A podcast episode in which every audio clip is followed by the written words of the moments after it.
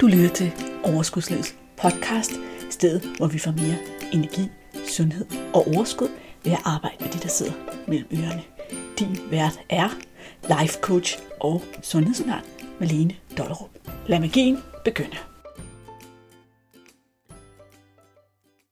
Hej og velkommen til Overskudslivets podcast. I dag der skal vi tale med en af mine klienter. Og jeg synes lige, at vi skal tage et øjeblik og anerkende, hvor meget mod det egentlig kræver som privatperson at stille sig op og fortælle om sin kampe og om alt det, der er svært, og alt det, som man ikke er lykkedes med i første omgang. Nu er det jo heldigvis sådan, at Sus er lykkedes med en masse ting, og har været rigtig god til at dele det, og derfor så spurgte jeg hende også, om hun havde lyst til at deltage i podcasten, og på den måde både blive fejret for sine egne resultater, men også kunne være med til at inspirere andre mennesker i forhold til, at bare fordi du har kæmpet i mange år, bare fordi det har været svært i mange år, betyder det ikke, at der ikke findes en vej. Der er en løsning. Og som Sus siger i podcasten, det lyder så mega nemt. Det er det også egentlig, når man først får så spurgt ind på, hvordan du lige skal få hul på det. Fordi det, der, som jeg jo også ikke har formået selv, altså selvom jeg har arbejdet med det mentale i, i fem år med hunden, ikke? og mere og mere er blevet overbevist om, at det var den vej, jeg skulle for at kunne løse den udfordring, jeg havde med min vægt. Jeg havde jo ikke kunne gøre det selv, fordi så havde jeg gjort. Ja, Sus hun besluttede sig for at få hjælp, fordi, som hun siger, jeg kunne jo ikke gøre det selv, ellers havde jeg gjort det. Og bagefter, så siger hun også, sådan her. Og jeg er jo også nået dertil, hvor jamen, altså, jeg tænker ikke på, hvad jeg skal spise til næste måltid. Altså, hvorfor i alverden har du brugt så meget på at planlægge dit næste måltid, og dit næste måltid, og dit næste måltid. Og hvorfor kunne jeg ikke bare sige, at jeg spiser, når jeg er sulten. Jeg spiser, når min krop siger, at jeg skal have noget. Ja, det lyder så logisk. Og alligevel er det ikke altid så nemt. Jeg vil give dig en lille smagsprøve mere. Nemlig lidt af det, som Sus fået ud af de to første måneder af sin deltagelse på gruppecoaching-programmet en gang for alle? Jamen, jeg har tabt lige knap 5 kilo siden vi startede på en gang for alle for to måneder siden. Og så den her gode lille tilføjelse. Så jeg går og dunker mig selv i hovedet med det mere. Men skal vi nu ikke se at komme i gang med historien fra begyndelsen af? Velkommen. I dag der har vi besøg af en ganske særlig gæst, og jeg har glædet mig virkelig meget til, at I skal møde den her gæst, nemlig Susanne Lussen, til daglig kaldet Sus.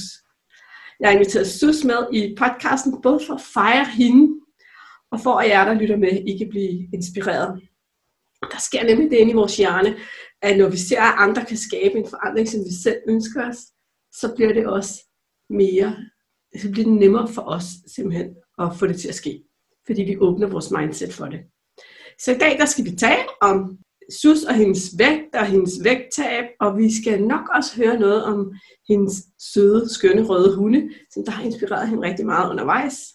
Sus hun deltager lige nu i gruppe coaching programmet En gang for alle, og det kommer vi sikkert også til at høre om, men jeg tænker, at vi skal starte fra starten af, Sus. Prøv, prøv at fortælle os lidt om dig, fordi der sidder nogen derude, der er ingen anelse om, hvem du er. Hvor længe har du ja. haft udfordringer med din vægt, og hvordan startede det hele? Ja, jeg hedder som, som sagt Susanne Knudsen, og jeg er pige på min bor i, i Vesthimmerland, op i det nordjyske. Her bor jeg sammen med min, min mand Lars, og sammen med mine tre tollerhunde. Jeg har før været, øh, været ridepige og har haft egen hest i godt og vel 30 år, så det var lidt et, et skift at gå til hundene der i stedet for. Det har jeg da rigtig fint med, og det var ligesom et kapitel, der sluttede, og så et andet, der begyndte. Nå, i forhold til vægt, grunden til, at jeg egentlig har opsøgt Malene, det er jo, at jeg har altid mere eller mindre været en lille buttet pige, som en lidt lav afstamning og, og, og tæt bygget, og mm, på den måde i, i mange, mange år har haft, haft udfordringer med min vægt. Blandt andet så havde jeg, jeg er uddannet køkkenleder også, og havde et, et job i køkken på et sygehus, hvor jeg havde lidt, lidt problemer at være i forhold til et arbejdsmiljø, der ikke var helt så godt, som det kunne have været. Så jeg endte med at, at gå ned med en depression på det tidspunkt, og måtte stoppe der. Og i den forbindelse tog jeg cirka 30 kilo på. Det var jo der, der ligesom var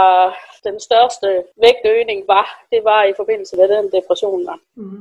Må jeg spørge dig om noget? Hvordan var det så at være i den der krop, når den pludselig var 30 kilo større? For det har så været over et forholdsvis kort tid, ikke? Det var et, omkring, jeg har været to, to og et halvt år eller sådan noget, før jeg mm. ligesom begyndte første gang og tænkte på, at nu, nu måtte jeg hellere lige til at, at finde ud af et eller andet med at få spidt nogle kilo, for ellers så kunne jeg jo ligesom ikke blive ved med at, eller kunne min krop ikke blive ved med at holde til det mm. og, og rende rundt med mig.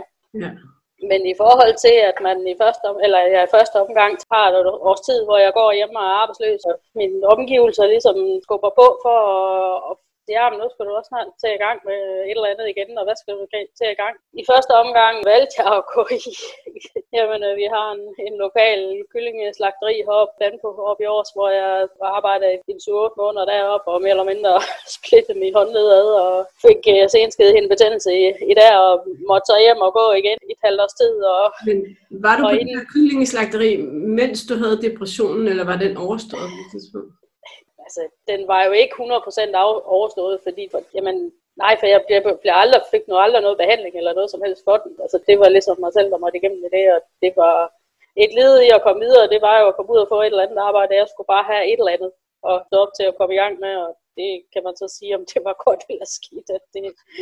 Jeg kom i gang, men... Du har betalt din pris, men jeg sidder og tænker, i din situation er det måske et rigtig fint job, at der ikke er sådan så mange mentale krav, når man... Ja, ja, Altså, det var jo bare at, at gå ind på en linje og fat i en kniv, og så filetere en masse kyllinger. Så det var ikke noget, der skulle tænkes en hel masse over. Så ja, på den måde, så var det jo en fin start. Jeg måtte så sig også efter de der 7-8 måneder. Ja, hvad, hvad gik jeg? Et par måneder eller sådan noget, hvor jeg så startede lidt op igen i køb på et plejehjem, og kunne komme igennem den vej, og ligesom komme lidt i gang igen. Det endte så med, at uh, jeg gik i vikariat der, eller blev fyret der, fordi de skulle lukke ned. 2002, der startede jeg på min social- og sundhedshjælpeuddannelse, og det er så det, jeg laver i dag også. Ja, hvis vi prøver at fortælle os lidt, hvis vi skal uh, tilbage til det med vægten. Du havde taget 30 kilo på, og nu skulle der ske et eller andet. Jeg tænker, du kan prøve at fortælle os om nogle af de ting, du har prøvet, som måske ikke virkede på den lange bane. Jamen altså, jeg har været både i pulverkur og har også været en årrække på en 4-5 år faktisk med på noget, der hedder slankedoktor.dk, som kørte i nogle år. Det var bygget op med en diætist og motionscoach, og det gik faktisk rigtig godt, og der tabte jeg 7-28 af de 30 kilo. Så det gik fint fint egentlig. Så har jeg været med på vægtvogterne og vægtkonsulenterne og men de der systemer med, hvor der skal tælles point, og man bruger en masse krudt i hovedet på egentlig, og at, at føre kontrol med sig selv. Det var ikke fungeret i et stykke tid, og så blev man træt af alt det der, drive op og det ene og det andet. Ja, det hører jeg rigtigt. Så, sådan noget med at tælle point og veje og alt det, det der. Det, jo... Man bliver bims af det. Og ja. du kender jo også min holdning. Altså min holdning er jo, at noget, som vi hele tiden skal koncentrere os selv omkring og holde os selv i snor, som er unaturligt, det bliver næsten umuligt at holde på den lange bane. Ikke? Ja. Fordi ingen gider jo til fra nu af, og til jeg sidder ude på plejehjem, der vil jeg til point. Altså. Ja, det, altså det, og man får det jo ikke gjort, og du gør det måske den første 14 dage, tre uger, ikke? og så var det spændende i det ligesom. Ikke? Så fælles for alle de løsninger, du har nævnt her, det var, at du havde succes med dem et stykke tid. Et stykke tid, ja. Så kom du egentlig tilbage. Mm. Okay. Så, og det har jeg så også... At det ikke virkede på en lang bane. Har du selv et, et bud på det? Jamen det er jo simpelthen, for, tror jeg, fordi det hele er bundet op på kontrol, at du skal holde kontrol med dig selv hele tiden, og, og hjernen er, er holdt i gang med at og ligesom sige, men det, du skal kontrollere dig selv, og du skal pine død følge den, den her kostplan og, og vægt, og hvis ikke du gør det, jamen, så går det helt helt. Og er der et enkelt måltid, der smutter, jamen, så er hele dagen ødelagt. Ikke? Mm. Øhm, det er jo noget fis, ikke? fordi du kan, du kan jo sagtens spise et eller andet stykke slik eller chokolade eller et eller andet, og så, og så stadigvæk have en god dag, fordi du så fortsætter med de gode takter i, øh, med grøntsager til næste måltid. Så, ja. men det, det er jo igen sådan noget, man, man lærer øh, efter mange, mange år. Ikke? Altså, men jeg synes, det er så fint, du tager det op, fordi der sidder nemlig rigtig mange, som netop kæmper med det her med, jamen altså hvis jeg så spiser noget forkert, noget, som der er forkert i den her bog, eller den her formel, jeg følger, så er det hele bare ødelagt, ikke? Ja. Og så, så ruller det bare den forkerte vej men altså, der har jeg jo helt sikkert også været, og har været rigtig, rigtig mange gange. Og det, man går og dunker sig selv i hovedet med det, og det er jo ikke godt, fordi du kommer ned i de negative følelser, og lige så snart du er der, jamen, så kan du ikke komme videre, fordi det, så er du i modstand på, hvad, hvad det er, der foregår. Og det lidt, det, det er skidesvært, fordi det, det er den der med, at du ligesom skal finde ud af, hvad det er for nogle følelser, du spiser på, og hvad det er, der skal til for at løse den der hvad hedder det, overspisningsspiral der, som man rigtig hurtigt og nemt kommer ind i, med at se, du spiser på en eller anden lav følelse, ikke? og så får du lige et lille dopaminfix, og så, når det så er overstået, ikke? så kører spiralen, og så er du ude i, i skabet eller køleskabet igen Ikke? Ja. Og kan slet ikke holde op. Nej, jeg kører i den der øh, spiral af ja. selvbebrejdelse og trang og det hele, der bare kører. Ja. Nu sagde du selv, at netop det her med at spise på følelser, det er jo også noget, det vi allerede har arbejdet med i en gang for alle. Kan du, sådan som du sidder her, egentlig sætte ord på, hvad for nogle følelser, eller der er jo helt sikkert mange følelser, der kan få forskellige ting til at ske.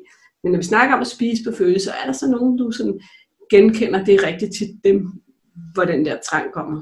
Jamen i første omgang, i forhold til min depression, der var det jo, at jeg var, øh, var nede og var ked af det, og, og var, mm. synes jeg blev uretfærdigt behandlet på sygehuset, der hvor jeg var ansat, og, og havde rigtig meget ondt af mig selv, mm. fordi det var bare helt af til det hele, og, og ellers, jamen, senere hen er det jo her i forbindelse med, at vi har arbejdet en gang for alle, er det jo helt klart restløshed og kedsomhed, jeg har, har spist rigtig meget på. Altså når jeg ikke lige kunne komme, komme i gang med et eller andet, som jeg selv, jeg havde en god lang liste af nogle ting, for eksempel hvis jeg har en, en fridag, ikke? og så fik jeg mig sat med telefonen, og så at jeg skulle lige have morgenkaffen, og det blev så måske nogle gange her gik helt hen til, til midt formiddag, inden det siger, åh, det kan da også godt være, at jeg skal til i gang med at lave et eller andet, ikke? Men, øh, men der kunne jeg, altså, der var det jo sådan en eller anden form for, for kedsomhed, ikke? At man, når vi kunne godt sidde her og kigge lidt på telefonen, og så skulle man da lige have et eller andet og, og fylde i hovedet, ikke? Og egentlig bare, som man selv, som jeg slet ikke overhovedet smagte på, altså det røg bare ind. Der skulle bare et eller andet ind. Man kører bare autopilot ind. Ja, fuldstændig. fuldstændig. Og i løbet af vores tid sammen her. Så hvordan fungerer det nu? Har du lyst til også at dele det med os? Jamen, øh, jamen det fungerer rigtig godt, fordi jeg, jeg har fået lavet mig en, en rutine, der hedder, jamen det er fint. At jeg, jeg kan godt lide lige at, at sidde og, og se nyheder og lige gå Facebook igennem, når der er sket et eller andet øh, fra morgenen af der. Jamen, jeg har så sagt til mig selv, jamen jeg, jeg bruger et kvarter på at lige gå igennem, og så har jeg på forhånd bestemt mig til, at jeg har en, en eller anden lille øvelse, jeg skal ud og træne med min yngste hund, og gør simpelthen, at det bestemmer jeg dagen før. Hvad, hvad skal jeg lige ud og træne morgen tidligere? Men altså, det er jo det er fem minutter, det drejer sig om. Altså, det kan være lige være lidt pladsposition, eller lidt fri fod, eller et eller andet, som jeg lige sådan nørder lidt i. Og så er jeg, er jeg egentlig i gang. Så sætter jeg mig ikke igen. Og det har virket rigtig, rigtig godt, at jeg ligesom har bestemt mig til, at nogle af de ting, som, og, og bestemme, og, og, og starte med en eller anden af de ting, som jeg rigtig godt kan lide, nemlig at træne hund. Og så er jeg ligesom i gang bruger jeg også meget det at lige skrive en to-do-list, hvor jeg lige sådan kort skriver ned, hvad jeg lige har lyst til at skulle, skulle have lavet i løbet af dagen. Ikke altid, jeg når det hele igennem, men bare det, er, at man kan gå ind og strege noget på en liste. Altså, det, det kan jeg rigtig godt lide. det, det, det, det af vores hjerner godt lide. Der er sådan yes. et videre og det, som jeg lige vil sige til lytterne her nu også, det er, at det, som, som Sus lige har fortalt os om, grunden til, at det virker for hende, det er jo fordi, hun bruger den mere bevidste udviklede del af hjernen til at tænke frem af, hvad er det, der skal ske i morgen? Okay, når jeg har siddet det her kvarter og hygget mig, så rejser jeg mig op og laver den her øvelse. Og det gør det meget nemmere for os, at vi er konkrete og har sådan en plan for, hvad der skal ske, i stedet for, at det hele er løst. Og jeg kan også lige vente, og jeg kan også lige sidde her tre kvarter, og hvor jeg nu skal også finde på noget. Så det er en super god måde at gøre det på. Og hørte I det? Der var simpelthen en af hundene. det er super godt, at vi lige har snakket om de her hunde, tænker jeg. De skulle lige være med, åbenbart. De skulle være med. Selvfølgelig skulle de det. Det er så stor del af dit liv. Det synes jeg, der er fantastisk. Ja, ja. Lad os, nu, nu har vi hils på en af dine hunde, mere eller mindre. De har haft stor betydning for din udvikling og nogle af de der indsigter, du har fået undervejs. Har du ikke lyst til at fortælle lidt om det? Jo, det kan du tro. Jamen, jeg har arbejdet med det mentale og mental træning i de sidste cirka fem år. Og det kom jeg egentlig i gang med, fordi Else, hun Kajo, han er en hund, der som kører rigtig, rigtig højt i stress på over mange ting. Og det har han egentlig gjort helt fra han var valgt. For ligesom at kunne hjælpe ham de første par år, forsøgte jeg rigtig mange ting, som egentlig ikke virkede så voldsomt meget. Så fik jeg kontakt til en hundetræner, som hedder Leonor, og som havde et øh, mentaltræningskursus, som hed Mental Power, som var tilrettelagt til, at man ligesom kunne have fokus på en hund og kunne udvikle sig igennem det. Jeg stod sig godt nok lidt over, at, at under teksten på det her kursus, det hedder It's not about the dog. Den tykkede jeg lidt over og tænkte, ah, kan jeg vide, hvad der ligger i det? Det, det viste sig jo så efterhånden, som vi kom i gang, at det handlede overhovedet ikke om hunden. Det handlede kun om mig og det handler lidt om, at, at de ting, som vi går og tumler med, eller som jeg går og tumler med, de går direkte ned i, i hundene. Og det gør de, fordi de simpelthen spejler vores energi og spejler vores følelser stort set lige over. Det vil sige, at jeg er urolig, at jeg øh, mukken over et eller andet, har jeg haft en eller anden dårlig dag på arbejde, eller et eller andet, men så kan jeg mærke det på hundene lige så snart jeg kommer ind. De sådan holder, begynder at holde lidt afstand, og de begynder måske at, altså Kajo vil typisk sådan køre lidt op og vimse noget rundt omkring mig. Kajo, det er den hund, der var lidt mere stresset, ikke? Det, ja, Ja. Det er min ældste, som har virkelig været totalt værd at komme ind til i træning overhovedet, fordi jeg har ikke kunne holde fokus på ham overhovedet. Og hvis ikke du ligesom kan samarbejde med din hund, så er det rigtig, rigtig svært at lære den noget. I forhold til, til nogle af de ting, som vi har arbejdet med på det kursus, jamen det har været spejlteorien, det har været følelsernes vibrationsskala, som ligesom har været kerneomdrejningspunkterne på det. Og ud fra det har vi arbejdet noget med vores relationer. Vi har arbejdet rigtig meget med kontrol og perfektionisme. I forhold til hundetræning, så ser man jo rigtig mange forskellige videoer i træning på andre hunde. Også dem, man træner sammen med, så jeg siger, at den og den hund laver den perfekte fri befod, for eksempel, eller den perfekte apport, eller et eller andet. Og så siger man, sådan vil jeg også have, at min hund skal gøre. Nu er det jo bare ikke alle hunde, der sådan lige er, er lige gode til det hele. Du får bygget en eller anden fuldstændig falsk forudsætning op på, at, at hunden kan slet ikke efterkomme alt det der, fordi den kan jo ikke tage det bedste af, af alle de andre hunde og sige, men at samle i din egen hund og sige, det, sådan skal den bare være. Når jeg synes det simpelthen er så godt, det du siger der. Og ved du, jeg tænker, Undskyld, jeg, undskyld, jeg men jeg elsker det her, fordi jeg tror, det er rigtigt. Vi kigger på, hvis vi tager hundene, så kigger vi på hundene, og så siger den ene er perfekt til det, og den anden er perfekt til det, og så tredje, og min skal kunne det hele. Det, det, jeg sidder og tænker, når du siger det der, vi gør det samme med os selv. Fuldstændig. Vi kigger os rundt, og så ser vi på et menneske, vi kender, der er perfekt til det, og et menneske, vi kender, der er perfekt til det, og et menneske, vi kender, der er perfekt til det. Bortset fra, at der ikke er noget, der hedder perfekt. Og så synes vi, at vi skal kunne alting lige så godt. Lige nok. Der faktisk, var faktisk rigtig mange af dem, jeg gik på det kursus med, så det, øhm, vi kan overføre det direkte til vores børn også, til børneopdragelse, fordi det er fuldstændig det samme. Altså, der er ikke nogen, der er perfekte, og vi skal se det individ, som vi arbejder med, og det individ, som vi har. Og så er det jo sådan set fuldstændig ligegyldigt, om det er på to eller fire ben, vi snakker om. Det individ har en personlighed, og det er det, vi skal tage udgangspunkt i. Altså, vi kan ikke gøre så meget andet. Vi skal ikke gå og lave om på folk, vi skal være med dem her nu. Det er også en af de ting, som jeg rigtig har fået rigtig meget ud af. Det der med at være i nuet og leve i nuet, fordi hundene har kun det her nu, der er lige nu her. I forhold til Kajo, der hvor jeg startede i sin tid, det var den der med, jamen, bare det at skulle gå tur med ham. Vi har en lille plantage lige op bag ved os. Jamen, bare det at gå ind i skoven, og der er let en dyr eller et fugl lige foran os, ikke? Jamen, han gik jo totalt i stress. Gøde og pev, det kunne tage 10 minutter, før vi kom videre derfra, fordi jamen, det, det kunne være, den kom tilbage. og det du så lærte, det var så også, at når du så stressede, og han stressede, så blev det hele værd. Yes lige nøjagtigt. Og, og i forhold til, til den situation, jamen bare det lige at finde et, øh, et fokuspunkt i et træ for eksempel, og lige stå og lige tage tre dybe vindrønninger, og så vender han lige om en gang og siger, åh, hvad, hvad pokker skal der? Hvorfor står du bare der og glor? Ikke? Så vender han egentlig lige så stille tilbage mm. til nu, det nu, der er nu, og så spejler han min energi, og der, jeg lige falder ned, og så falder han ned, og så kan vi egentlig gå videre. Det er rigtig, rigtig effektivt, det der med at, at udnytte, at de egentlig spejler os så meget, som de gør. Ja, og jeg kan huske, da du startede i en gang for alle, og vi begyndte at tale om det her med at være i sine følelser, og håndtere sine følelser, fordi det jo også handler om ikke at spise på følelser. Og du sagde til mig sådan, det er jo alt det, jeg bruger på min hunde. Jeg har bare ikke brugt det på mig selv. Nej. Nej. Og det, et eller andet sted vidste jeg godt, det var den, vej, den måde. Ja, men et eller andet sted vidste jeg godt, det var den vej, jeg skulle, fordi jeg havde jo ligesom prøvet alt andet med, med at skulle med kontrollen i forhold på diverse kurer af alle mulige mærkelige forskellige saks, ikke? som holder et stykke tid. Ikke? Men, men hvis jeg virkelig skulle have et eller andet, der, der var vedvarende, eller jeg kunne fortsætte med resten af livet, så var jeg efterhånden klar over, at, at jeg skal igennem tankerne. Det har jo også vist sig, at det er den vej, der, der virkelig batter, ikke? fordi det er tankerne, vi skal have med. Mm. Så hvordan, fortæl lidt om de resultater, du så har skabt nu.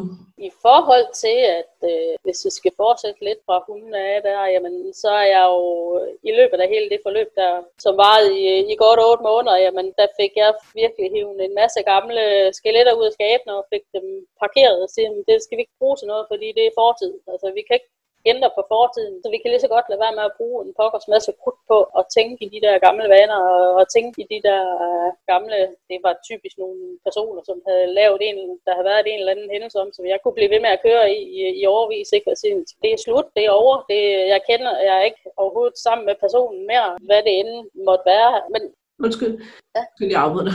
Jeg ja. bare skal, mange af os ved jo godt, at det vil tjene os at give slip på noget af det, der vi bærer rundt på fortiden, og alle de her, sådan, vi kan gå og have en næ og mangler at tilgive, og have det, hvis det og det ikke vil ske, og sådan noget. Og vi ved godt, det kan tjene os at slippe det, men det er svært, er det ikke? Det jeg jo mærket med det samme, det var, at jeg kunne mærke det på min hund, at de blev simpelthen mere rolige. Og, og specielt Kajo, der, jamen, hver gang jeg gav slip på et eller andet, og jo mindre og mindre der fyldte i mit hoved, jamen, så blev han mere rolig.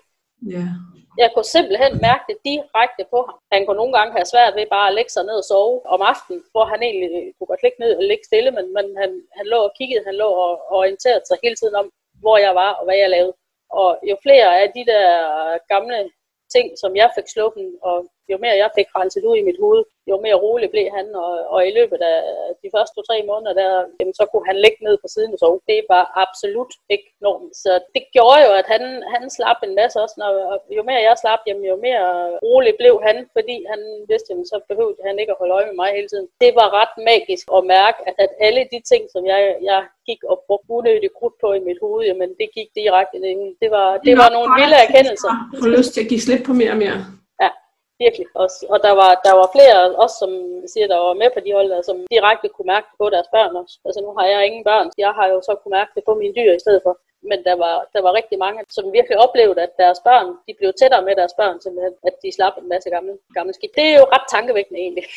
Ja, og det, det kunne jeg så tænke mig hurtigt at dele, at det har jeg faktisk personligt oplevet, mens jeg havde det rigtig dårligt i, i en jobsituation, jeg var i. Der havde min datter det simpelthen også dårligt. Hun blev hele tiden syg. Hun, der var alt muligt. Det var som om, vi hele tiden var på skadestuen, eller hele tiden havde sygevældinger. Og da jeg så fik ændret på min situation, upsi, så holdt hun op med hele tiden at blive syg og skulle på skadestuen. Ikke? Så det er jo rigtigt, vores børn spejler os også. Og, og kan være den der øjenåbner, uanset om det er hunde eller børnene, eller altså vores omgivelser kan være den der øjenåbner for, okay, der er altså noget, jeg har brug for at få arbejdet med.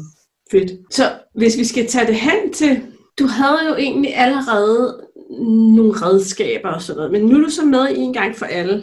Hvad, hvad synes du, du har fået ud af det indtil nu? Jamen, jeg, har, jeg er jo kommet skridtet videre og har fået hul på mit, mit eget kæmpe store issue i forhold til min vægt og i forhold til at, at have håbet om, at jamen, jeg kan godt få et, et ganske almindeligt og naturligt forhold til mad. For det har jo været noget, der har fyldt 24-7 i de sidste, hvad skal vi sige, 30-35 år. Ikke?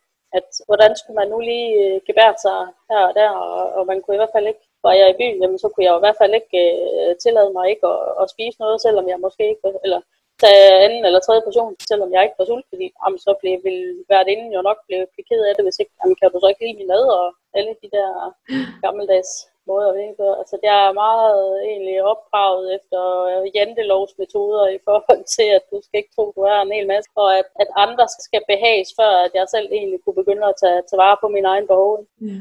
Og det, det, det tager noget tid lige at, og ligesom at komme til bunds i de der gamle ting. Og det kan jeg mærke, at det, det slipper mere og mere, at jeg begynder at mærke min egen krop igen, og begynder at mærke, at jamen, der er sgu en, en god krop inde bagved, som, som vil mig alt det bedste, og som arbejder for mig 24-7, 365, ikke? det er super fedt.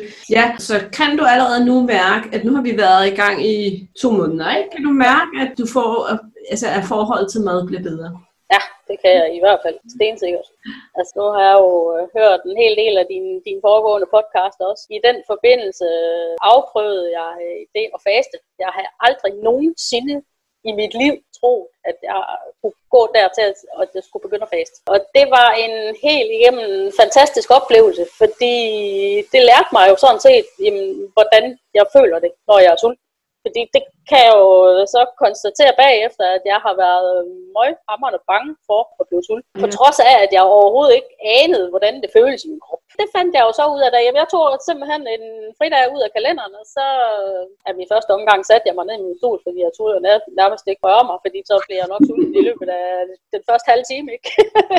det skete så ikke, kan jeg godt, kan jeg godt afsløre. Der gik faktisk helt ind til klokken, den var, jamen, den var kvart i to, to om eftermiddagen, før jeg egentlig begyndte at mærke, at jeg blev sulten. Og før der, der spiste jeg ikke min såkaldte morgenmad. så det, det var en rigtig stor oplevelse, og det har lært rigtig, rigtig meget af. Så i forhold til, at jeg egentlig ikke, jeg har ikke sat mig for direkte, at, eller havde et eller andet mål om, at nu skulle jeg faste i 24 timer, eller hvordan, hvordan det nu er. Jeg har simpelthen bestemt mig til, at nu sætter du, dig, eller, sætter du dig ned, eller hvad du nu finder ud af, og så venter du, til du bliver sulten med at spise. Ja. Så har jeg jo egentlig rigtig god tid. en masse ting, selvom du ikke jamen, jamen det, der gik, går jo selvfølgelig en masse tanker igennem hovedet også i og med, man, man siger, kan vide, hvordan det føles. Altså, jeg sad egentlig og gættede på mig, for mig selv i, i flere timer, om kan vide, hvordan det føles, kan vide, hvad det er, jeg skal mærke efter, kan vide, hvad det er, hvad tænker jeg, hvad gør jeg, hvad, altså jeg sad jo nærmest i min stol og var, var, var lidt halv bange for mig selv, ikke, fordi, hvad, hvad, hvad, hvad sker der nu, ikke? sagen var jo den, at det, der skete jo ikke noget farligt, vel? Altså, maven begyndte at rumle på et tidspunkt, og så tænkte jeg, ah, det gik da. Det, det var så, der, der var klokken ikke mere end 8,5 mil, så, nå, du tager lige en flaske vand, og så ser du, hvad der sker. Så skete der jo ikke mere de næste par, par fire timer, så kørte den igen. Nej, og det er jo, vores krop er jo fantastisk, ikke? Fordi at hvis der er mad, øh, hvis du har spist den energi, du har spist, så siger den, send mig noget mad, og hvis du så siger, nej, det gør jeg ikke lige nu, så tænker den, nå, så må jeg jo lige gå ned på lageret og hente noget. Så når man faster, som du gør, så vil man opleve, at man kan godt blive sulten, og så stopper det, og så bliver man måske sulten igen, og så stopper det, og så på et tidspunkt bliver det mere insisterende. Ikke? Det oplevede du formentlig mm, også. ja, præcis. Så har du fastet siden, eller har du kun gjort det den ene? Nej, det har jeg faktisk ikke. det, det, jeg gik den ind, gik igennem for ligesom at sige, at nu vil jeg lære noget om mig selv. Jeg er absolut ikke afskrækket af det, så det kan sagtens ske igen. Men det, vi kan jo udfordre alle lytterne lige nu og her også til at prøve det der, prøve det selv, prøve sig selv af. Ja. Tag den der ene dag og opdag, at der sker ikke noget. Og så, så vil jeg jo også sige, at jeg siger jo egentlig, jeg kalder det jo også, altså at faste, hvis man bare laver et vindue, hvor man for eksempel spiser sin aftensmad kl. 6, og så ikke spiser næste dag før kl. 8 eller 9. Altså så er der jo gået en 14-15 timer. Mm. Det kan være en meget fin måde at starte på, hvis man synes, det lyder ja. meget scary. Ikke? Fordi du, gik, du sagde, at du gik til halv to. Ja. Super cool, Susanne. Ja, det var en god oplevelse. det var det. Jeg kunne også godt tænke mig, hvis du kunne... Der er jo nogen, der synes, at det måske er lidt skræmmende, det der med at blive coachet i en gruppe, fordi man, der sidder nogle andre og hører på de ting, som man skal sige, som man synes er svært. Hvad synes du, der er fedt ved at være med i en gruppe på den her måde? Jamen, det er jo, at, at du kan, uanset hvem det er, der bliver coachet, men, og uanset hvilket emne det er, jamen, så kan du selv relatere til det, og du kan selv hive dig og sige, ah, hvad, hvad, hvad kan jeg, hvordan kan jeg stoppe det ind i, min, i mit liv? Ikke? Fordi altså, det er jo emner, som i med, at vi er en, en gruppe, der har de samme udfordringer ved, at vi, er, vi har jo alle sammen prøvet de der elevatorture og prøvet en hel masse forskellige andre ting, som ikke har virket. Og igen, noget virker for nogen, og noget virker for nogle andre, og det, så kan man jo lære af hinanden. Også i forhold til tanker, altså tanker, du spiser på. Jeg havde ikke set den, jeg havde set den der med, med at jeg godt, godt kunne spise på kedsomhed. Men at jeg også gjorde det, når jeg egentlig var restløs og ikke rigtig synes, jeg kunne, komme, kunne tage mig sammen til at gå i gang med noget andet. Det, det var en, jeg lærte af en af de andre, der, der blev coach. Ja. ja, det er jo netop det, jeg synes, der er nogle fedt. Også bare fordi, så sætter folk nogle andre ord på. Ja. Og så lige pludselig så får man den der, wow, det kan jeg egentlig godt se, at jeg også selv gør. Mm. Men jeg har bare været blind for det, ikke? Altså. Lige præcis. Og, og nogle gange, så skal man jo øh, nogle, nogle sjove veje ind og arbejde med sig selv. Så, så og jeg kunne godt tage lidt med fra den, den allerførste coaching, vi havde, hvor, hvor, jeg, hvor jeg var på i forhold til det der med at, at gå i gang med at lave nogle ting, hvor jeg ligesom endte med at, med at snakke om rengøring. Og altså, jeg synes, det var død kedeligt, og, og det, at, det, at det spiste jeg egentlig på.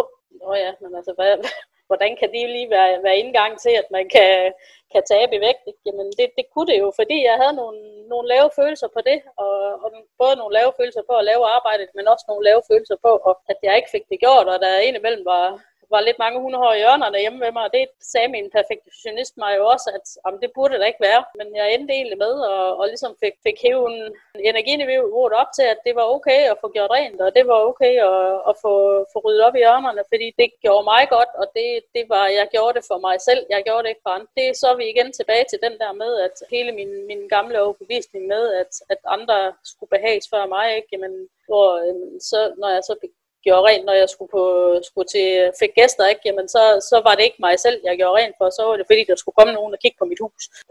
Mm. og, det, og, og for den vent, og for, kom, for den indgang til dem, og få ligesom hævet energiniveauet dertil, at jamen, det var okay at gøre rent, fordi det, jeg kunne også godt gøre det for mig selv. Det var en, en ret vild erkendelse egentlig, og, og man, det er jo noget så banalt, ikke, som man tænker, jamen, ja, jeg er ude og gøre rent, altså ja, alle ved, ved, det er nemmere at holde rent, end det er at gøre rent. Ikke? Altså, det, det er jo den der ramse, der, der kommer fra alle de gamle husmøder. Ikke?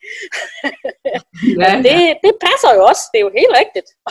men, men jeg havde bare fået det vendt fuldstændig den anden vej rundt, og se, om jeg, jeg gad ikke gøre rent, jeg synes, det er meget kedeligt. Men i og med, at jeg fik det vendt, vendt til, at jeg gjorde det for min egen skyld, og ikke for andres skyld, jamen, så var det faktisk okay. Og den vinkel har jeg med garanti ikke selv fundet ind i, det kan jeg godt sige dig. det er jo der, hvor det nogle gange er virkelig gør en forskel at have en coach ved hånden. Jeg ja, tak. Det at hvis lytterne har kvikke, så var den allerførste ting, som Susan sagde, at hun spiste på, det var jo der, da det var synd for hende, at hun ikke blev behandlet ordentligt med depressionen og det her. Og det, som hun jo egentlig skabte ved at tænke sådan om rengøringen, det var jo også en følelse af, at det var lidt synd for hende, hun skulle ja. gøre rent. Og det er den følelse, hvor vi egentlig har arbejdet med tankerne, så der er en, en følelse omkring at gøre rent, så man ikke behøver at sidde med den, der var det synd for mig, at jeg skal gøre rent. Jeg vælger at gøre det for min egen skyld, eller jeg vælger det være. Men det lyder nemmere end, altså, det lyder nemt at sidde og sige sådan her, ikke? Nogle gange skal man have lidt hjælp for at få det til at virke. Det er præcis, og det, ja. ja. Spændende, spændende og begynde at arbejde med den der kære hjerne der, fordi den øh, slår nogle krøller ind imellem, som man ikke lige kan finde rundt i nogle gange. ja, men det jeg jo er så fascineret af, det er jo det her med netop, at når vi først lærer at forstå den, og lærer, og hvordan at der er en del af den, der ligesom kører afsted med os, så får vi, kan vi pludselig sidde der i førersædet at bruge vores energi på at få det bedre og være i vores følelser, i stedet for, som du siger, at du har brugt hele dit liv nærmest på at tænke på mad og rigtigt og forkert i forhold til mad. Ikke? Så kan du pludselig bruge din energi på at leve dit liv. Det er ja, det er præcis. Det er præcis. Og jeg er jo også nået dertil, hvor jamen, altså, jeg tænker ikke på, hvad jeg skal spise til næste måltid. Altså, det, det har jeg jo gjort i uh, altid.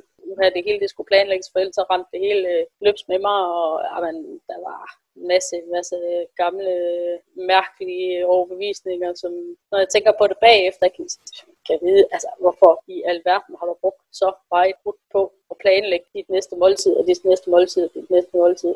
Og hvorfor kunne jeg ikke bare sige, at jeg spiser, når jeg er sulten. Jeg spiser, når min krop siger, at jeg skal have noget. Men altså, det, det er jo igen hjernen, der kører med os, og som, som virkelig laver alle mulige krummelurer, fordi og hvis ikke du gør det, så, så går det helt galt. Altså, jo, og så er der meget med, tænker jeg, at alt det her, når vi går på vægtvogter, og når vi tæller på ingen, og når vi følger kurer, og når vi drikker pulver, og alt det her, så lærer vi jo, altså så programmerer vi jo vores hjerne til, du kan ikke stole på noget af det, din krop siger, her er den her plan, det er den, du skal følge, det du mærker ind i dig, det tæller ikke. Altså, og det er jo det, som, der, som man så har trænet, og man bliver jo god til det, man træner, så det har man trænet i overvis. Ikke? Og til sidst er det ligesom, man har fået den her historie ind i hovedet om, at hvis jeg ikke planlægger alle mine måltider, så går det galt. Ja. Og selvom at det går galt, det går galt, det går galt, fordi at man ikke får det vægttab, man ønsker sig, og man ikke har den vægt, man ønsker sig, så sker der alligevel hele tiden det der med, hvis jeg gør noget andet, så går det galt. Ja. Men i virkeligheden, så ser man slet ikke, jamen det er galt. Lige nok det. Og den, man bliver totalt blind for, jamen, hvad, hvad er det egentlig, du, hvordan fungerer dit liv i det hele taget her nu? Mm. Og det er, jo, det er jo altså, så er vi tilbage ved, ved min kære hunde, ikke, som, som har lært mig så meget om det der med at være i hus, hvor jeg lige pludselig kommer hjem en dag faktisk fra en helt fantastisk sportræning med, med Kajo, for at det ikke skal være løgn. Og så det første, jeg kommer, jeg kommer ind ad døren og kan lige omkring toilettet, da jeg kommer hjem der, og det første, jeg ser, det er vægten, der står inde under, under badeværelseskabet, der siger, nej, fandme nej. Så, røg den simpelthen ind under, under sengen derinde, og var derinde i 10 måneder, så, hvor jeg ikke var på vægten. Så det kan ikke passe, at den skal styre mit liv. Mm. Øh, og så lå den inde under sengen i, i en 10 måneders tid, til 11 måneders tid, derfor jeg egentlig tænkte, kan jeg vide, hvordan det egentlig står til? Kan jeg vide, hvordan vægten var? Og jeg kan afsløre, at fra jeg gik på vægten 10 måneder før, og så til, til da jeg blev nysgerrig på at se, hvad den egentlig var igen, men der var 200 grams forskel. Det, at, at vægten er den eneste måde at måle på, om du tager på, eller om, hvordan tilstanden er i din krop, men det er jo falsk tryghed et eller andet sted, fordi bukselændingen, den kan lige så fint sige det. Var i hvert fald det, jeg fik ud af det eksperiment. Ja, og så sker der også til det med folk, der vejer sig. Hvis, hvis vores tanker løber amok, når vi ser, at vi har taget et halvt kilo på, og vi så skaber alle de dårlige følelser, så vi så spiser, så kommer, starter det en ny ond spiral. Og det er jo der, jeg tit taler om det der, husk lige når du står op på vægten, at du kan jo tage et helt kilo på, bare i væske og, og afføring, skulle jeg til at sige. Der, der er ikke nogen, der tager et kilo på i fedt fra dag til dag. Men mm. det er ligesom det, det vil ikke rigtig bundfælde sig i hjernen. Så man, man kan gøre to ting. Man kan sætte vægten ind under sengen, som sus gjorde, eller også så skal man i hvert fald se på, hvordan skifter jeg tanker omkring den her vægt. Ja. Okay, det, det med 200 grams forskel. Men hvad så med nu? Hvor meget har du tabt indtil nu? Jamen, jeg har tabt lige knap 5 kilo siden vi, vi startede på en gang falde for to måneder siden. Ja, tillykke med det. Yes. Tak. Jeg prøver at bringe i podcasten. Jamen altså, jeg kan, jeg kan jo godt afsløre, at jeg, jeg har ikke gjort noget specielt ud over at arbejde med mine tanker, og ud over at få, få de positive tanker fundet frem i forhold til det ikke at have kontrol. Mm. Fordi det, der har været mit kæmpe, kæmpe store issue altid, det er det der med kontrol, at, at jeg skulle, hvis ikke jeg, at jeg var ikke god nok, hvis ikke jeg kunne kontrollere mig. Og det kunne jeg jo se på vægten i alle de der 4-5 gange, hvor, øh, som jeg har kørt med elevatoren, hvor jeg har taget øh, 10, 20 og 30 kilo på. Ikke? Jamen, at jeg blev ikke tilfreds med mig selv, fordi jeg jo kunne måle derpå, at det var ikke godt. Så, så det at, at, at ligesom kunne gå ind og, og fjerne de der tanker, og kunne arbejde med de tanker og sige, men det, det betyder ikke noget. Det er bare din hjerne, der laver fis og ballade med dig. Kunne gå ind bagved der og sige, men du kan egentlig bare vælge at tænke noget andet. Du, du bestemmer helt selv, hvad du tænker om det. Og hvad du tænker om dig selv. Det, det er helt tanker og frie, tanker er gratis, og det, og det er bare at gøre det, og det, det lyder så mega nemt, øh, og det er det også, egentlig, når man først får så spurgt ind på, hvordan du lige skal få hul på det. Fordi det er det, der, som jeg jo også ikke har formået selv. Altså selvom jeg har, arbejdet med det mentale i, i fem år med hunden, ikke? og mere og mere er blevet overbevist om, at det var den vej, jeg skulle for at, at kunne løse den udfordring, jeg havde med min vægt. Jeg havde jo ikke kunne gøre det selv, fordi så havde jeg gjort det. Ja. Øh, men, men det, at, ja. men det at, at få dig med, Malene, på banen og, og ligesom få en anden vinkel på det og, og finde ind bag ved tankerne på en anden måde, men det har været mega, mega fedt, fordi jeg har virkelig haft den der fornemmelse af, jeg gør jo ingenting, og kan, kan vide, om det slutter lige pludselig. Men altså, jeg startede de første to uger, vi var med, med vi, vi var i gang med, jeg, jeg, jeg tabte et kilo om ugen der, og så har jeg stødt og roligt tabt et halvt kilo hver eneste uge siden. Og det, jeg har stadigvæk rigtig, rigtig svært ved at tro på, at det bare er det i situationstegn, ikke? Men, men, ja, bare lyt til mig. mine tanker og mine følelser. ja, jamen, jamen det, det er virkelig de der tanker, der, der nogle gange ryger rundt. Nej, kan det virkelig være rigtigt? Men det er rigtigt. Det er sgu rigtigt, fordi det, det, det er, der sker altså noget magisk, når man begynder at pille i det der. Så er det ligesom sådan en, en gang dominobrikker, der vælter, og så er der en masse gamle ting og gamle paradigmer, der skralder, og du, du piller lag af, ligesom, ligesom sådan et løg, ikke? og så lige pludselig, så, så er du inde ved din egen hjerne, og så siger jeg, nå, så er du sådan, ikke? altså, det, det, det, det, ja, lige præcis. Jeg har ikke meget for længe. Nej, lige, og det, jamen, det er en, en magisk verden, den der gå på opdagelse i sin, sin hjerne, sine tanker og sine følelser, fordi det, det, det giver bare så meget, så meget positivt. Man finder ud af, hvor, hvor lidt der egentlig er mellem himmel og jord. Eller nej, ikke mellem himmel og jord, men hvor lidt der er i de der ting, som man nogle gange går og bilder sig ind, og som hjernen egentlig har lavet. Har spundet nogle rigtig fine historier op omkring. Mm. Altså man kan jo sagtens have nogle har haft nogle oplevelser, hvor man synes, man har været uretfærdigt behandlet, ikke? men når man begynder at pille i det, det jamen, så, så handler det om en selv. Ikke? Og øh, nogle ting, som man selv har sagt og gjort, hvor man siger, nej, det, det er i hvert fald ikke mig. så man bliver for pillet det her, så, så er vi til det, vi har lavet den sidste, de sidste par gange her, ikke? Med, med Byron Katie og The Work. Mm. Det, det, det har relation, så finde ud af. mega fedt. Og jeg ved, hvis vi skal snakke lidt om det også. Altså, ja, inden videre, så, så kunne jeg godt tænke mig lige at takke dig for, at du sagde højt, det her med, at tanker er bare tanker, og vi kan egentlig godt vælge, når vi bliver opmærksomme på, hvad det er, vi tænker, og tænke nogle andre tanker. For det, det siger jeg også tit mm. højt. Og det kan godt være en lille smule provokerende, når man ikke har arbejdet med det endnu, at folk Mega. siger, du behøver ikke blive ved med det. Mega provokerende.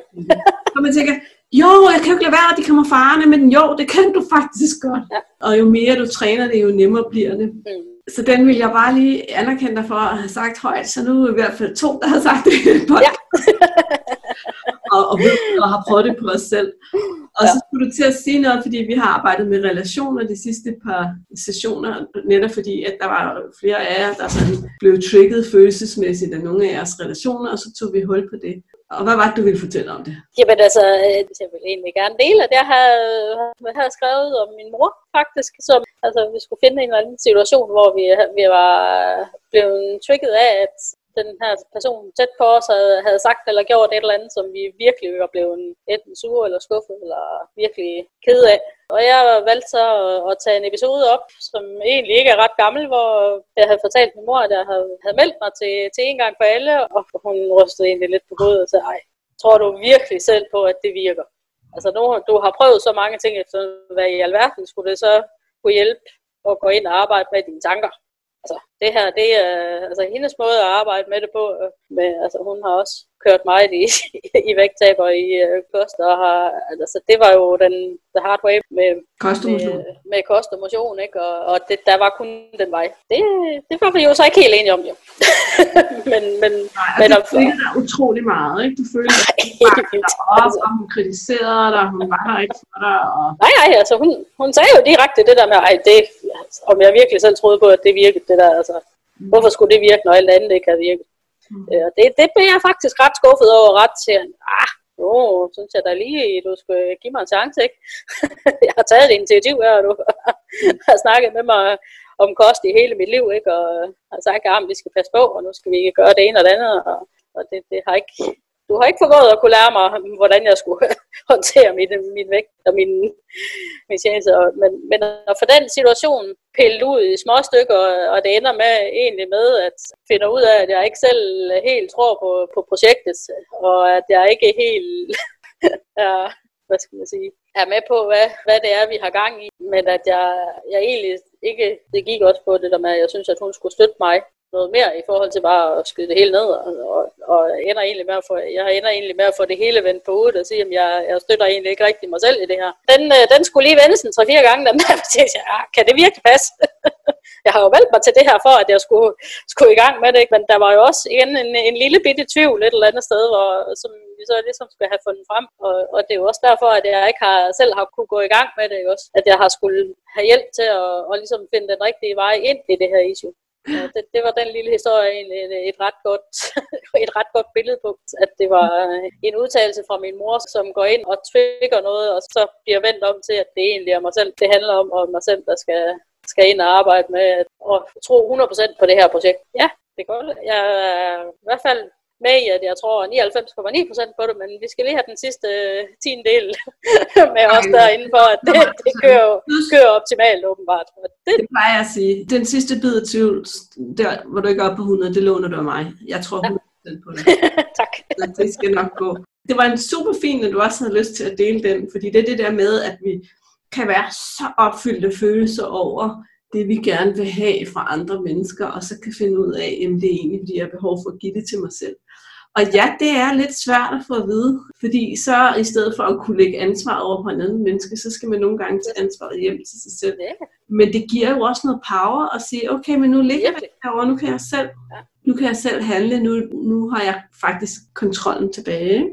Med den gode, positive kontrol over. Den positive kontrol, ja ja, fordi ja. Den, den er der jo både en, en positiv og en negativ gren af, og det samme med perfe- perfe- perfektionismen, ikke? Altså, der er jo ikke noget i vejen for at være per- perfektionistisk i de ting, man laver, men det, der er noget i vejen med det, hvis det bliver noget, der tager kontrollen over en, og som, hvor man lige pludselig får en hel masse vaner af den vej, som ikke kan være anderledes. Jeg tænker på forskellige øh, ting med, at ting skal stå i den rigtige rækkefølge, eller man skal vaske hænder 10 gange. Men også bare det, at perfektionisme nogle gange stopper folk fra at gøre noget. Altså fordi alting skal være så perfekt. Yep. De kan, ikke, de kan ikke leve op til deres egen perfektionistkrav, og så gør man ingenting i stedet for, og så får man ingenting. Så er vi tilbage ved den, øh, det, den perfekte hund, eller det perfekte barn. Ja, det, det er faktisk en god krød til det, ja. Perfekt, ja. Så godt. Jeg kunne godt tænke mig at vide, har du en idé om, når du er færdig med den her rejse, når du er helt har sluppet de her tanker med mad, og du, at din krop har fundet sådan den her naturlige vægt. Hvordan vil du så gerne have det i din krop? Har du, har du tænkt over det? Jamen, jeg vil gerne have det, som jeg har det nu, faktisk. Fordi jeg føler allerede, at jeg har den der lethed mm. i mange henseender med, at jamen, jeg ikke tænker på mad mere, som jeg har gjort. Forstået på den måde, at jeg, jeg tænker mere på alle de andre ting, som jeg laver. Mm. Tænker mere på, altså, når, at jeg er mere i nuet, når jeg er på arbejde, men så er jeg der og, og er 100% med de beboere, jeg hjælper. Og når jeg er hjemme, ikke, men så enten så er jeg 100% med min hund, eller så er jeg 100% i tankerne, i, når, hvis jeg er i haven, eller er ude at gå en tur, eller, jamen, så er jeg der her og nu. Og det, det er egentlig det, jeg bygger videre på i forhold til det, jeg har lært med hundene med, at det at være i nuet er så vigtigt og er så ufattelig meget værd, at jeg ikke går i, specielt i, tilbage i, i tiden og, og finder en hel masse gamle ting på, jeg kan have ondt af mig selv af, men at jeg er og lever med det, der er her, det jeg laver lige nu. Det uh, tror jeg, at, at det her forløb også styrker, at jeg, jeg kan blive ved med det. Ja. Fordi jeg kan jo, altså, Selvfølgelig er, jeg ikke, er det ikke øh, perfekt på nogen måder, for der, jeg har også nogle dage, stadig, dage stadigvæk, hvor jeg selvfølgelig øh, falder lidt i at, at gøre noget, men, men jeg har ikke de tanker omkring det mere, som jeg havde før. Jeg går og dunker mig selv i hovedet med det mere. Ja, så har jeg fokus på, at jeg, jeg så får startet godt op igen på det næste måltid, jeg så skal have, at jeg gør noget godt der. Altså for, forvent tankerne til, at, at i stedet for at dunke sig selv i hovedet, så se frem og se, hvad, hvad kan jeg så spise? Ja, jeg synes, mm. det er så smukt det der med nuet, fordi vi har det jo kun nu. Ja. Fortiden er væk, den er der ikke ja, igen. lige nu. Og vi tror, vi kender fremtiden, men hvis der er nogen, der er i tvivl om, at det gør vi ikke, så kan vi jo spørge os selv, hvordan det er gået de sidste par måneder med corona. Alle dem, der troede, de skulle på ferie, og troede 100% sikkert, at de skulle på ferie, eller holde et stort bryllup, eller en information, eller et eller andet andet sted, de troede, de kendte fremtiden. Det gjorde de ikke. Vi har kun nu. Det er så fint. Det er virkelig, virkelig. Jamen, det, det, det er så fantastisk, når du når dertil, at du, du ligesom forstår, at det er det vigtigste. Det er lige her nu. Selvfølgelig er det også vigtigt at have et job i fremtiden. Selvfølgelig er det også vigtigt, at du har styr på din økonomi. Selvfølgelig er det også vigtigt, at din familie har det godt. Men hvis ikke du ligesom er med det, der er lige her nu, jamen, så kan du heller ikke ændre på noget, hvis der er noget, du synes, der skal ændres på. Fordi så, så er det bare nogle andre ting, der er i spil, og nogle, nogle tanker, der begynder at spænde i, at du ikke kan gøre noget ved det, fordi jamen, altså, det, der er sket, det er sket. Det kan du ikke ændre på. Igen, du kan, ved heller ikke, hvad der sker i morgen. Det kan være, at der falder en bombe et eller andet sted. Det kan være, at øh, din svigermor kommer forbi og siger, at nu har du, har du arvet 20 millioner eller et eller andet. Altså, du aner det ikke. så derfor så bliver du nødt til at, hvis du har den tanke, at hvis du har det godt lige nu og er med det, der er lige nu, jamen, så bliver det hele altså meget nemmere, synes jeg. Ja, og vi kan få en følelse af, at vi rent faktisk lever det liv, vi har nu. Ja, lige præcis. Altså i stedet for hele tiden at vente på at leve et andet slags liv, som vi tror kommer ud i fremtiden, så kan vi være i her nu. Jeg synes, det var en øh, super god sådan, måde at begynde at runde af på. Men jeg kunne godt tænke mig én ting til, Sus. Mm. Hvis nu lytterne sidder og kan genkende sig selv i noget af din historie, har du så en eller anden form for et godt råd eller et tip? Og jeg synes egentlig, du allerede har givet mange. Så, men som du har lyst til at give videre, så har du nu et talerør. Jamen det er det der med at at leve i nuet og sige, jamen prioritere nuet. Altså prioritere det, der er lige her nu, og, og prioritere hverdagen. Altså det er fedt at være ude og, og feste sammen med andre. Det er fedt at være på ferie. Det er fedt at opleve en hel masse ting. Men hvis ikke du ligesom har basen og dagligdagen, der, der kører, som du rigtig gerne vil, så, så er der nogle andre ting, der bliver rigtig svært. Og jamen, er det et eller andet med, at jamen, altså, få justeret til med, med arbejdstid, få justeret til med, jamen, laver du det rigtigt, altså få stillet nogle spørgsmål ved din, din dagligdag, jamen, er den, som du gerne vil have den? Fordi det, det er et rigtig godt sted at starte og få, få basen til at køre, som man, man egentlig gerne vil. I den forbindelse kan jeg fortælle, at, at jeg arbejder kun i 24 timer om ugen. Det gør jeg af den grund, fordi det er det, min krop kan holde til. Det er det, min håndled kan holde til med den skade, de havde fra det slagteri, mm. som jeg fortalte om før. Ikke? At det, man, hvis jeg arbejder 35 eller 40 timer om ugen, jamen, så ved jeg godt, at jeg har et par dage, jeg bliver nødt til at være sygemeldt, fordi så har jeg ondt i min håndled. Mm. For justeret dagligdagen til, sådan den fungerer, og sådan din krop fungerer på det. Og så lyt til kroppen. Det er, det er virkelig essensen af, at den har alle svarene et eller andet sted. Lyt til din krop, den har en masse svar. Lev i nuet. Tag op til overvejelse. Lever du det liv, du gerne vil leve? Har du den hverdag og den base, som du har brug for? For ellers så juster. Det var egentlig det, jeg fik ud af det. Er det var det? Mm, jamen, det er helt det. Fantastisk. Lige præcis. Tak skal du have, Sus, fordi du ville være med og dele det. Det var en stor ære. Og en... dele ud af sig selv, men jeg ved, du har inspireret en masse mennesker. Ja, det var så Sus og Sus' historie. Er hun ikke vild? Hvis du skulle have fået lyst til at kigge på, hvad er det egentlig, Sus hun deltager i? Hvordan er det egentlig, hun er blevet coachet i den her gruppe? Så vil jeg opfordre dig til lige nu at gå ind på overskudslivet.dk-en gang for alle. Der starter nemlig et nyt hold i juni 2020, og skulle du lytte til den her podcast langt ude i fremtiden, så kunne det jo være, at der starter endnu et hold. Så tjek det ud under alle omstændigheder. Jeg har smidt link i episodenoterne, hvis du skulle sidde i din bil lige nu, eller et eller andet andet sted, hvor du ikke kan gå på nettet. Jeg glæder mig til at hjælpe dig, både ved at hænge ud her i dit øre, og hvis jeg må få lov at hjælpe dig endnu mere, så vil jeg elske det også. Vi høres ved. Hey, inden du løber, glem ikke at abonnere på podcasten, så du ikke går glip af en eneste episode. Og skulle du have fingre i den gratis videotræningsserie Vægtab med din hjerne, så smut ind på overskudsliddk videoserie så lander den første video i din indbakke i dag.